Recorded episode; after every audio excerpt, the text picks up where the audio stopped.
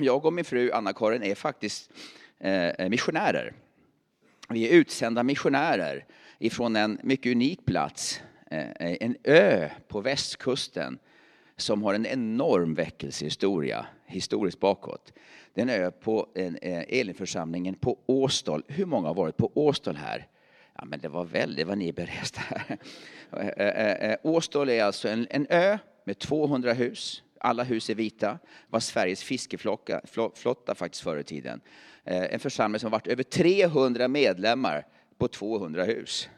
Eh, eh, och det gick en enorm väckelse på 40-talet. Alla kvinnor var frälsta. Männen fiskade från måndag till fredag och söp på helgerna. Men kvinnorna bad. Och man bad och man bad och så kom en väckelse. Vet ni vad väckelse är här i världen? Alltså det kom en riktig väckelse. Så man döpte 150 män. Eh, då kan jag säga, då var det tal. Och det var så starka fenomen. Och man bad från morgon och kväll. Och det var så starka fenomen att öarna runt omkring, Dyren och andra uppfattade det som naturfenomen, att det brann på Åstol. Eh, fast det var, det var andliga fenomen. Människor gick på ön och blev helbrägdagjorda.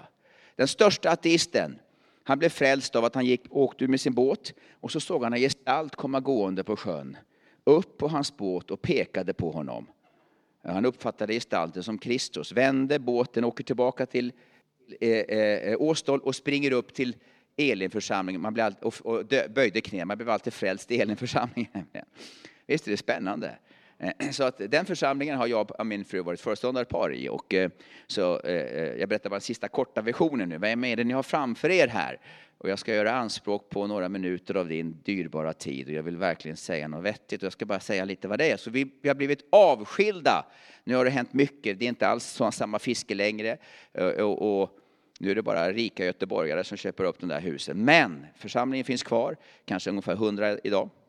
Eh, och, eh, så vi har blivit avskilda att gå ut i Norden med bönen, ordet och bönens ande och bönens tjänst. Visst är det fantastiskt? Och så har Herren lett oss till, precis som, som du sa här, till Sigtuna. Vet ni vad som är unikt med Sigtuna? Nu får ni lektion, en historielektion här. Sigtuna Sveriges första kristna kung hette Olof Skötkonung. Han döptes i Husaby, vilket är intressant att han gjorde det. Flyttade upp hela sitt regering till Sigtuna och där började han kristna hedniska Sverige som slaktade barn och höll på med fruktansvärda saker mot sina kvinnor och andra. Här började han kristna Sverige år 1008. Och så har det varit en enorm historia runt Sigtuna faktiskt. Faktum är det att man brukar säga i Sigtuna så är thin air. Har ni hört talas om thin air? Det är tunt mellan jord och himmel. Det är som att det är nära mellan jord och himmel där. Så jag och min fru och till Sigtuna, vi har bott där ett år nu, inte sedan 2008, ett år. Och eh, så vi håller på och reser upp ett bönarbete där faktiskt som är brett och, och välsignat. Eh, och vi arbetar med många olika kyrkor, även kyrkoherden, en djupt troende man. Visst är det hem, fantastiskt? Och så vidare. Så, sen är jag ute och reser på söndagar. Min fru är med och jobbar mycket i Hillsong eh, eh med kids. 300 barn varje söndag bara i, i, i det här området. Det är ganska fantastiskt faktiskt. Men själv så är jag ute och reser väldigt mycket. Så. Du vet ni lite vad det är. Så vi är missionärer från Åstol. Så ni vet ni vem jag har framför er. Vi tror på bön. Bön är viktigt. Jag tror alla här, värmlänningar vet att bön är viktigt. Jag vet inte hur det är egentligen konkret. Jag har inte frågat er pastor om någonting. Eh, eh, eh, utan utan jag, jag, försöker, jag är bara en brevbärare. Jag försöker leverera det jag tror Herren vill säga. Bön är viktigt. Jag tror att skulle jag intervjua var och en av er så alla ni som är troende tror ju på bön. Men när det verkligen kommer, hur ser det ut i våra liv? Så är det en utmaning många gånger när det gäller bönelivet. Eh, och inte minst eh, i våra sammankomster runt bön. Varför är det så? Eh, jag tror att om vi förstår vikten. Lärjungarna frågade aldrig Jesus, Jesus lär oss predika. Jesus lär oss bota sjuka, vad är tekniken?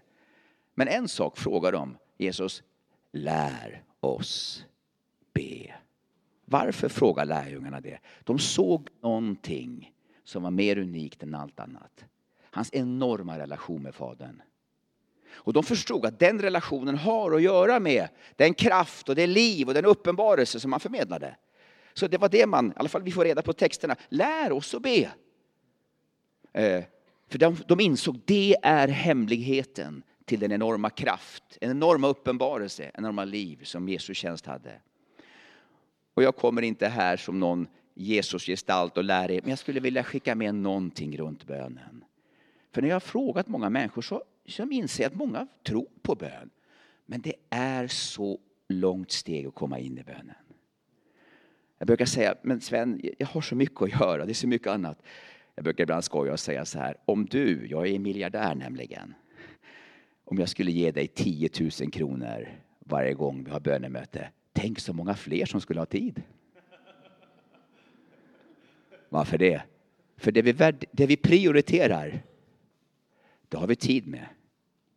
Men vad prioriterar vi då? Det vi värderar.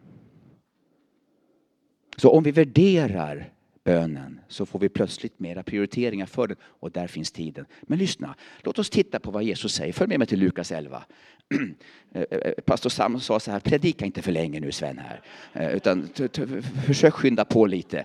Ja, men jag är billig i timpenning, sa jag. Nej, nej, så kör på nu. Lukas. Jag är nämligen jag, jag är också afrikan. Jag är afrikan. I Kenya där har vi inte allmän, där har vi inte klocka med oss på våra gudstjänster, då tar vi med oss almanackan. Men nu är vi i Sverige och Karlstad, så nu får vi skynda oss lite. Får, får man ha lite humor eller? Annars får vi säga som frukthandlaren sa, skämt åt sido. Så, eh, Lukas 11. Följ med mig dit bara. Lukas 11. Och vi ska titta på, jag skulle bara skicka med dig tre enkla tankar runt bön. För att många gånger, och jag är lite på ett sätt tveksam att kalla för det för nivåer, men vi skulle kunna göra det av pedagogiska skäl. Tre nivåer av bön, där vi oftast bara hamnar på en. Kanske är det det som gör att vi, vi många gånger eh, skulle behöva bli utmanade in i nivå två och ännu mer i nivå tre. Eh, och jag ska visa det på ett annorlunda sätt. Jag ska inte gå igenom Herrens bön, det är inte det det handlar om. Men vi ska börja i Lukas 11. Lukas 11, följ med mig. Ni vet, det står så här. En gång var Jesus på en plats, vers 1. Och bad. När han hade slutat sa en av hans lärjungar till honom. Herre, lär oss att be. Liksom Johannes lärde sina lärjungar. Då sa han, när ni ber så ska ni säga, och så börjar undervisningen av det vi kallar för Fader vår. Ni känner ju till den. Samma säkert predikat den flera gånger. Det första vi ska lägga märke till, Jesus säger, vi ska kalla, när vi ber, kom då och kalla din Gud för fader. Vem kan kalla Gud för fader? Ett barn. Det är barnaskapets bön. Det är den naturliga böneformen. Det är nivå ett. Det är den grundläggande bönen. Far, far. Precis som våra barn kommer till oss pappor eller mammor eller föräldrar. De kommer ju inte onaturligt, de kommer ju naturligt till oss föräldrar. Och det är den grundläggande, det är den fundamenta. Och tittar man sen, nu ska jag inte utlägga den, tittar man på den så handlar det ju om att vi kommer för att få bröd, dagliga brödet. Förlåtelsen för våra misstag, eh, hjälpen mot våra, och det onda. Ett barn, och nu kommer poängen, ett barn ber primärt för sina egna behov. Mamma, jag är hungrig. Pappa, jag fryser. Mamma, jag är trött. Det är naturligt att vi börjar när vi ber till Gud för våra personliga saker. Men det finns mer. Men det börjar där. Och därför fortsätter ju Jesus sen i Lukas 11, för han säger faktiskt mer än Fader vår på frågan om lär oss att be. Han säger i den elfte versen, finns det någon far bland er som ger sin son en orm när han ber om en fisk? Eller en skorpion när han ber om ett ägg? Om nu ni som är onda i jämförelse med Gud, så är vi ju det. Hur mycket mer ska då inte er fader ge den helige ande, eller ge det som är gott åt den som ber honom. Det här ska jag inte säga så mycket mer om. Det är naturligt och det är jättebra att du och jag har den här relationen. Jag satt på bilen hit nu. Jag, jag, jag lyssnar väldigt lite på skvalmusik. Jag, jag, jag samtalar med far. Jag pratar med Gud. Jag ber far, låt dem vara lite snälla mot mig när jag kommer nu, fast, fast jag kanske låter lite illa i rösten. Och, och välsigna gudstjänsten. Och, och låt din heliga Ande, jag hörde att, att, att, att det är många från olika kulturer, låt, låt mig få tala på ett sätt så att jag kan beröra människor. Alltså, jag ber. Och jag ber också för min, för min kropp, jag ber för min familj, jag ber för min hälsa. Men det är naturligt att ha relationer med Gud på den här naturliga nivån. Men jag skulle vilja utmana dig att vi går ett steg till. Att vi inte bara betraktar vår relation i barnens perspektiv.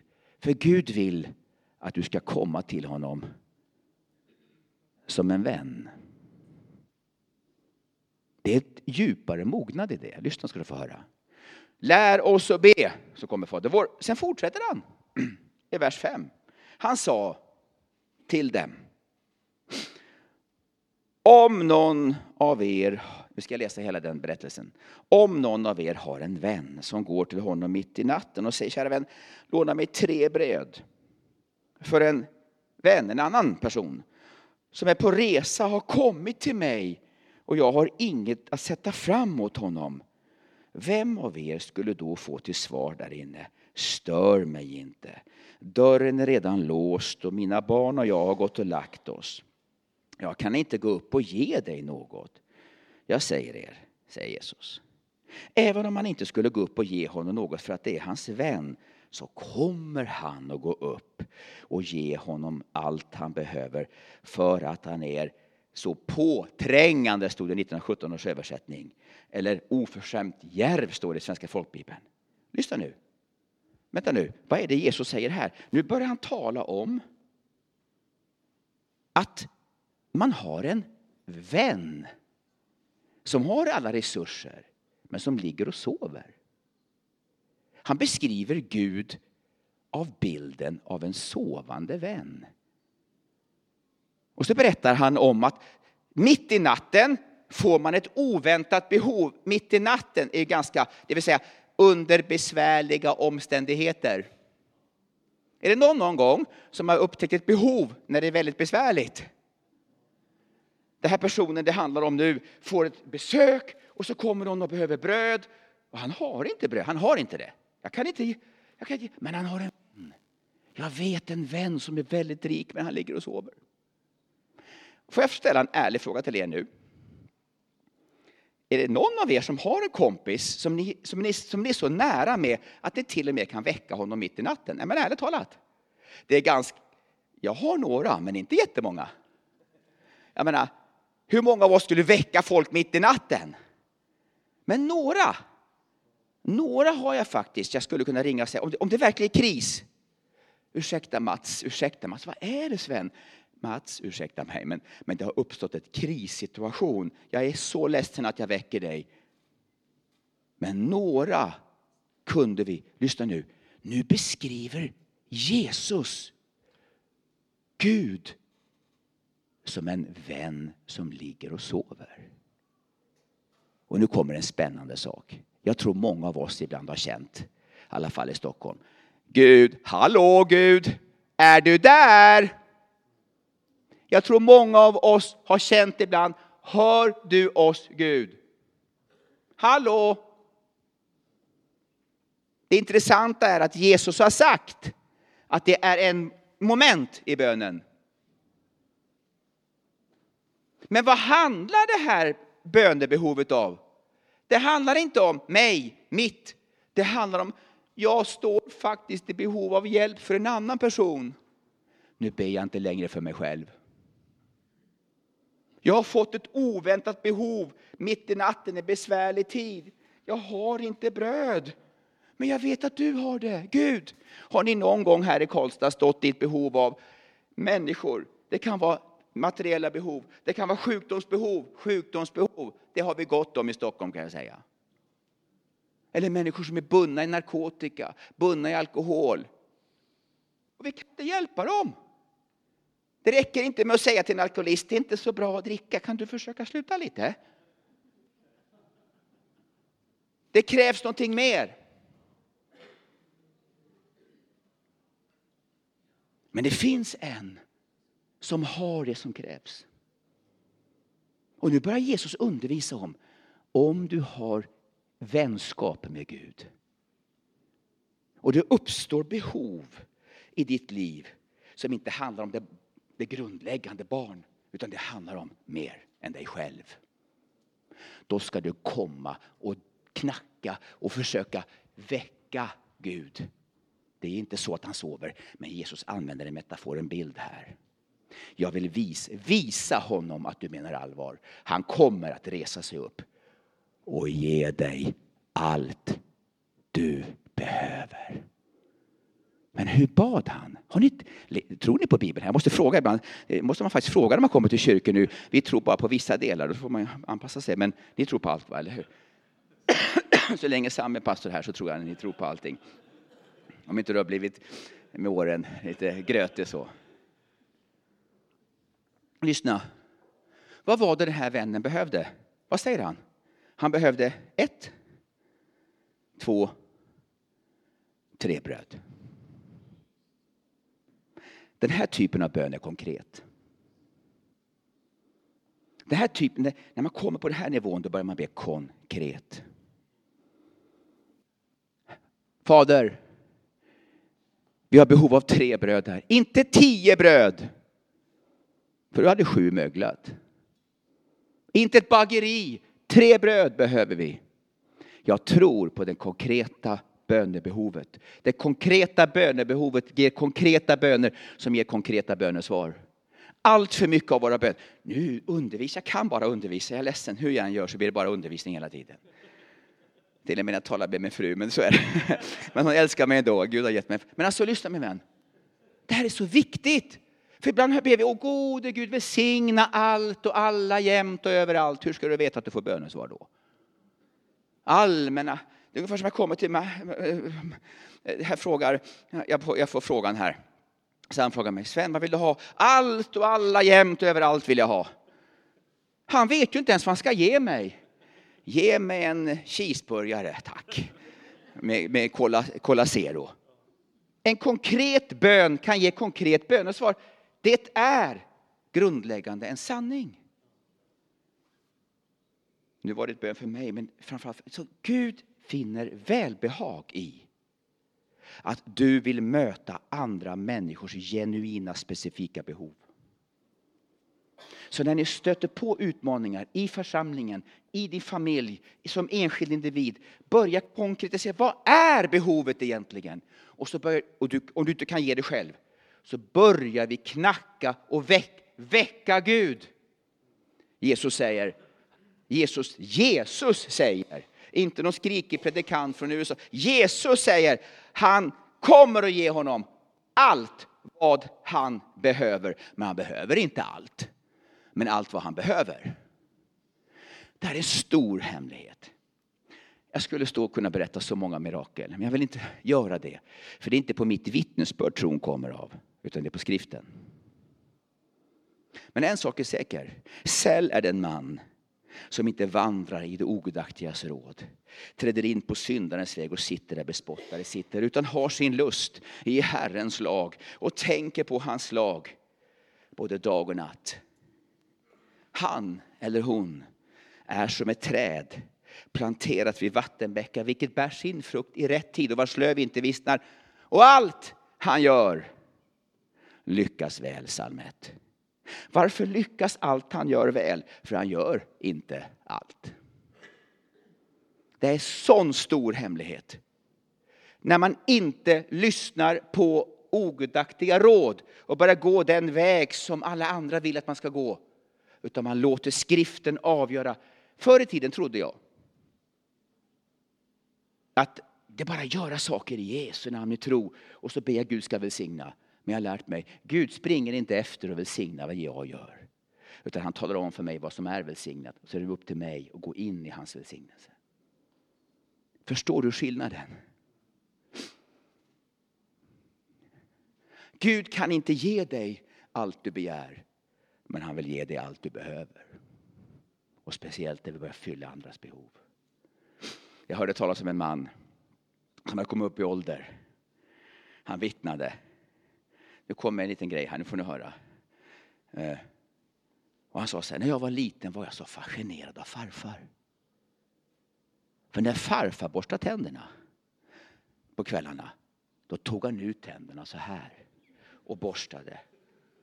Och jag sa till Gud, jag vill ha sån, gode Gud, jag vill ha sådana tänder som farfar har.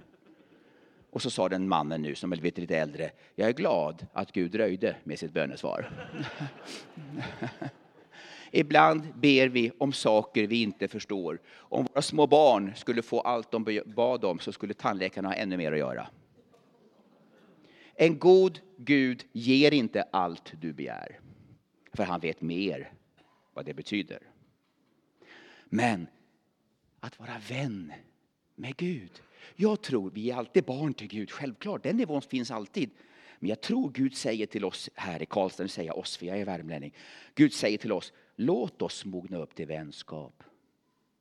För det är så här nämligen, som förälder delar man en del djupare saker med vänner än med sina små barn. Man delar djupare sanningar. Det finns en man i Bibeln som Gud specifikt kallar för vän. Vet ni vem det är? Abraham. Det står Abraham, Guds vän. Kommer ni ihåg berättelsen om Sodom och Gomorra? Det säger Gud, första Mosebok 18, jag ska snart, jag har glömt fråga hur länge jag får predika, så jag, jag, eh, ni får, du får fortsätta knäcka på klockan Sam. Eh, eh, men då säger han så här, kan jag väl dölja för Abraham vad jag tänker göra? Vad gör Abraham när han förstår Gud, du tänker döma Sodom och Gomorra? Vad går Abraham in i då? Han går in i en förbön för Sodom och Gomorra. Det börjar med 50, ni kommer ihåg detta? 50, 45, så gick hon ner till 10. Det fanns inte ens tio rättfärdiga. Nu har det att göra med, tror jag, det fanns inte en tillräcklig grupp. Tio har ett nyckeltal i Bibeln nämligen. I, i jud, i judar kan inte fira gudstjänst om det är under tio. Tio är ett styrande grupp, det måste finnas minst tio. Men jag går inte in på det teologiskt nu som jag ser det. Men det jag säger är, blir ni vän med Gud här, då kommer Gud att tala om för er vad han tänker göra för att vi ska gå in i förbön för det. Vi ber inte bara för oss själva i Pingstkyrkan, vi ber för vår stad. Vi ber för vårt land. Jag vet inte hur det är i Karlstad, man kan säga så här. I Stockholm är det nöd alltså. Har ni suttit med en förälder vars barn har begått självmord? Då känner man sig svag. Då känner man, jag och min fru fick öppna vårt hem för en mamma och en liten pojke vars pappa hängde sig. Alltså det jag säger är bara, det är sån nöd där ute. Och då funkar det inte med religiös välsignelse eller hoppas det blir bra, vi har gott kaffe här. Det funkar inte. Det måste vara kraft och hjälp. Men Gud, det känns som att Gud sover. Ja, det känns så ibland. För Gud vill pröva vår angelägenhetsgrad. Men det går att väcka honom. Så han ger dig allt vad ni behöver. Nu har jag bara kommit till nivå nummer två. Får jag ta nivå tre? Vi ska hinna med det andra också. Nummer tre. Vad är det du vill egentligen med oss här i Karlstad? Varför kommer du hit och utmanar oss? Ja, du får skylla på min arbetsgivare. ja, jag skickar inte mig själv. Men jag tror, om vi tittar i Karlstad församlingens historia, det har skett många olika förändringar i vår tid. Så vi kan inte alltid göra som vi gjorde förr i tiden i, i, i olika stilar. Men en sak kan vi aldrig ändra på. Väckelse kommer genom en sann förkrosselse inför Gud. Och sann bön sätter alltid fötter i rörelse mot svaga människor och mission, menar jag. Men det börjar med att vi böjer oss djupt för honom. Tror ni på bön här? Tror ni det är sant? Ni är så tysta med att tolka. Hellre tyst i anden än halleluja i köttet, så det är bra. Så vad är själva för, för falska hallelujarop? Det tycker vi inte om. Alltså. Jag vill bara säga en nivå, om jag nu säger nivå här för ett pedagogiska skäl. Barnabönens nivå. Pappa, mamma, hjälp mig. Vänskapens bebön. Fader, hjälp honom, hjälp henne, hjälp dem. Vi kan inte, du kan. Kan vi gå till en tredje nivå? Bara ur pedagogiska synvinklar. Fortfarande Lukas, men några kapitel framåt, Lukas 18. Jag snackade med tolken innan. Han sa, predikar du inte bra så kommer jag predika bättre än dig. med sådana tolkar så, så får man ju skärpa upp sig lite. Tack Jesus. I Lukas 18, ni känner igen Om barnaskapets bön är det första, barnabönen. Om vänskapsbönen är det andra, så är den här bönen änkans desperata bön. Änkans bön. Och jag skulle vilja säga då att det här blir en nivå till. Det är för dig, syster och broder, som är desperat efter Gud. Desperat efter ett Guds handlande. Just nu står jag och min fru i förbön för några stycken saker. Jag ska nämna det kort. Vi har en pojke som är sju år gammal. En förtvivlad mamma. Pojken vill inte leva. Han är sju år gammal. Han slänger sig framför tåg, han slänger sig framför bilar. Han vill inte leva. Sju år. Hur länge har det varit så här med honom? Det kom när han blev sex. Ingen kan förklara vad som hänt. Tänk dig själv vad fruktansvärt. Den andra är en mamma, 40 år gammal. För bara några månader sedan hade hon lite ont i nacken. Går till läkaren, läkaren säger att du har bara några månader kvar att leva. Cancern har gått alldeles för långt. Tre små barn, tre år och uppåt, och en man. Vi ropar, därför nämner jag det här. För jag vill att vi ska be någon minut sen efter predikan bara. Vi behöver Guds hand i rörelse. Håller ni med? Behöver ni det Karlstad? Är allt färdigt här? Finns det inte förtvivlade människor här utanför? Jesus berättade för dem, vers 1, en liknelse för att visa att de alltid ska be utan att tröttna. Men Jesus, varför ger du det?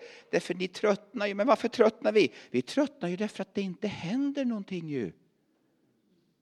Men det är därför jag ger er en liknelse. Och så kommer den här berättelsen, och jag har ju hört den många gånger förut. I en stad fanns en domare som varken fruktade Gud eller hade respekt för människor. Domaren den starkaste positionen du kunde tänka dig i den staden. Som i Messiah by. Det var man, en, en, hövdingen, ledaren, bestämmer. I samma stad fanns en änka, den svagaste positionen i byn. Som kom till honom gång på gång och sa, ge mig rätt mot min motpart. Någon försökte utnyttja änkans svaga position. Men hon kunde inte strida mot den här om inte domaren gav henne en rätt. En tid ville han inte, men sen tänkte han för sig själv, även om jag inte fruktar Gud eller har respekt för människor, jag ändå ge den här änkan rätt eftersom hon är så besvärlig. Annars pinar hon till slut livet ur mig med sitt springande. Och Herren sa, hör vad den orättfärdige domaren säger skulle då inte Gud, som alltså till skillnad från den liknelsens orättfärdiga domare är en rättfärdig domare, skulle då inte Gud skaffa rätt åt sina utvalda som ropar till honom dag och natt. Ropar, presens, ropar. Inte att vi bad en gång för tre år sedan, det får räcka ropar. Varför ropar Gud? är väl inte döv? Nej, men han är sannerligen inte nervös heller. Ropar har att göra med intensitet. Om jag ser min dotter, jag har en, en sladdis, ser jag, min, jag har fyra söner och en dotter, en av mina söner är hemma hos Herren. Eh, om jag skulle se min dotter hålla på att drunkna och jag inte kan rädda henne, vet du vad man gör som förälder då? Man ropar! Man säger inte ursäkta men kan någon hjälpa mig? man ropar för det för man är desperat. Skulle då inte Gud låta sina utvalda få sin rätt? Det vill säga, det finns rätter som vi inte har fått än. För vi ropar ju inte. Dag och natt, det känns så besvärligt. Det är besvärligt att be på nätterna. Det är besvärligt. Han kan, väl, han kan väl lyssna lika bra när jag orkar. Det är klart att han lyssnar, men frågan är hur angeläget är det? Jag menar inte att vi kan be varenda natt, vi måste sova också. Men det jag säger är, titta på väckelsetider och titta på väckelseplatser. Det var väldigt vad de ropar och ber. Eller har vi blivit så teologiska förståndiga och så tappar vi kraften och inga under. Jag utmanar dig, det är inte jag som har skrivit det där. Jag säger, jag talar till mig själv. Vi måste återerövra änkans desperation. Jesus säger, han lyssnar tålmodigt till dem. Han ska, jag säger, säger Jesus, han ska snart skaffa dem rätt. Men ska Människosonen finna tro här på jorden? Och det handlar inte, han kommer, det vill säga det handlar inte om Jesu andra tillkommelse, han gav dem en liknelse för att lära dem att be. Tro handlar om att vi faktiskt tror på det vi gör. Sista varvet runt Jerikos mur var svårast. Så min vän. Det finns mer för Karlstad. Det finns mer för din familj. Du som finns här kanske har ett barn som inte är frälst, ett barnbarn som har vandrat bort från Gud. Du kanske finns någon som har en son som är alkoholist. Eller ni kanske har kompisar som är hängivna muslimer och, och, och, och är egentligen bortförda i sina tankar mot vad som är sann bild på Gud. Och så, det går inte att samtala, det går inte att prata. Det är klart att det går att prata, men det går att be. Det går att be. Det går att be. För den Gud som finns i himmelen, han kan bryta igenom allting. Skulle då inte Gud kunna skaffa rätt? Allt är möjligt för den som tror, sa Jesus. Och det handlar inte om en bil till i sin garage. Det handlar om att förverkliga hans vilja. Så allt är möjligt även i det här landet. Oavsett regering. Så min vän, vi ska fortsätta ha det enkla barnabönen. Vi ska gå en till och skapa vänskap och börja be konkret för våra medmänniskor som ni gör här. Döper är fantastiskt bröder. Gud har en stor välsignelse för er. Under och tecken. Ni ska be för era familjer.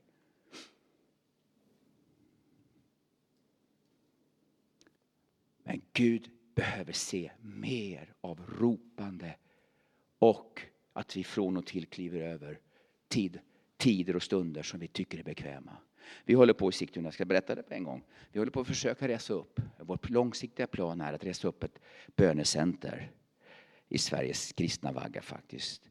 Där vi ska ropa 24-7, 365, det vill säga ha en plats där det ropas dygnet, dag och natt.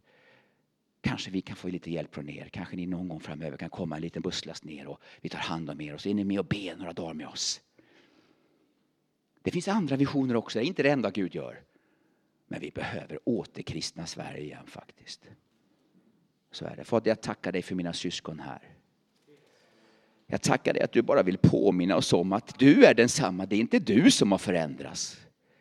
Du är en Gud som förmår allting. Du är en Gud som förmår allt. Du är en Gud som kan allt.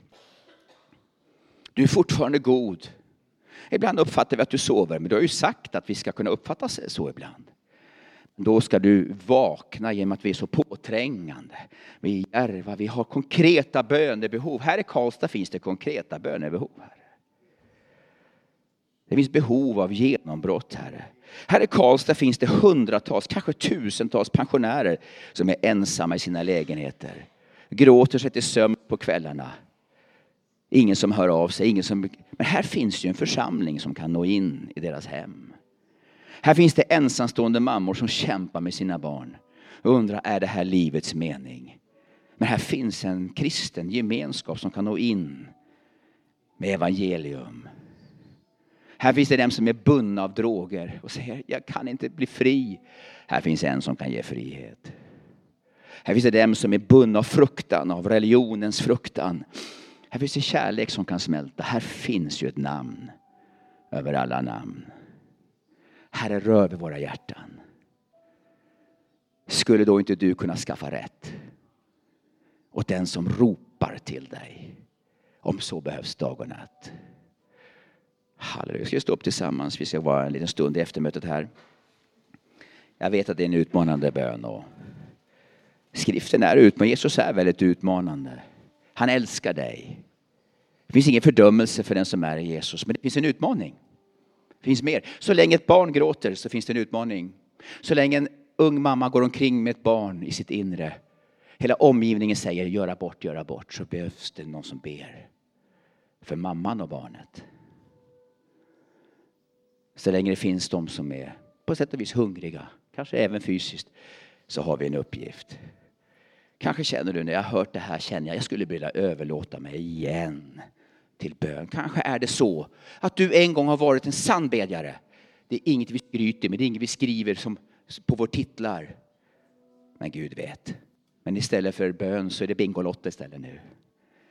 Nu är det tv och chips som gäller. Istället för att ropa till Gud. Jag säger inte det som fördömelse, men du själv vet ju.